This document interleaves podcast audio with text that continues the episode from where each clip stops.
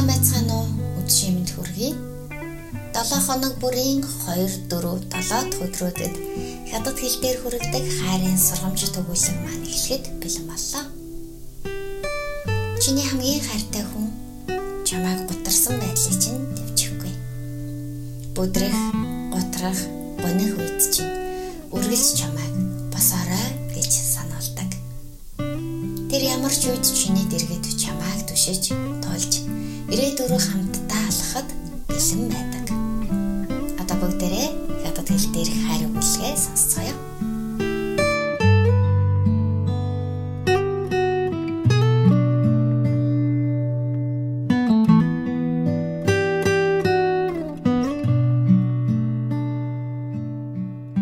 Thank you. 孙燕姿的那首《耳机》，她见谁，会有怎样的对白？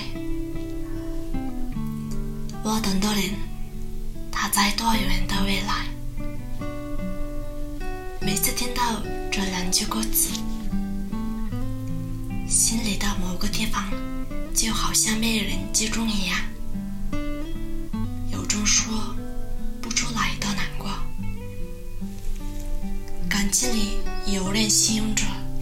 有人失落着，有些喜欢在开口的那一刹那就被人热烈的回应；有些喜欢安放在岁月之中好多年，也不曾别人好好珍惜。看见一位听友的故事，他曾经。很执着，很天真。等一个人等了好多年，几乎付出了所有，到头来却只感动了自己。那个人理所当然的享受着他给的爱，心情好的时候会及时回复他的信息，心情不好的时候。看遍整个世界，他也找不到他。有句话说：“如果你喜欢一个人，你就主动朝他多走几步；如果他看到你走过来，却没有爱迎接你的意思。”下来，因为你要懂得，很多事情都可以靠努力的来，唯有爱情不行。爱要势均力敌，爱要平等尊重，别在一个不在乎你的人那里乱了心。别在一个无不落的心的那里困了情，爱没用，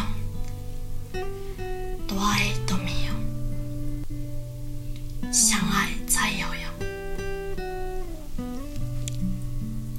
人生短短几十年，除了爱别人，更要爱自己。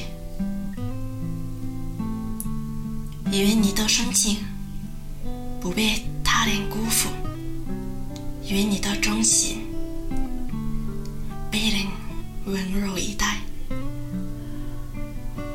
记住一句话：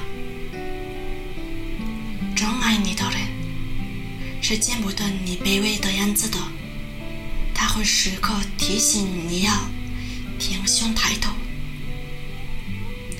然后牵着你。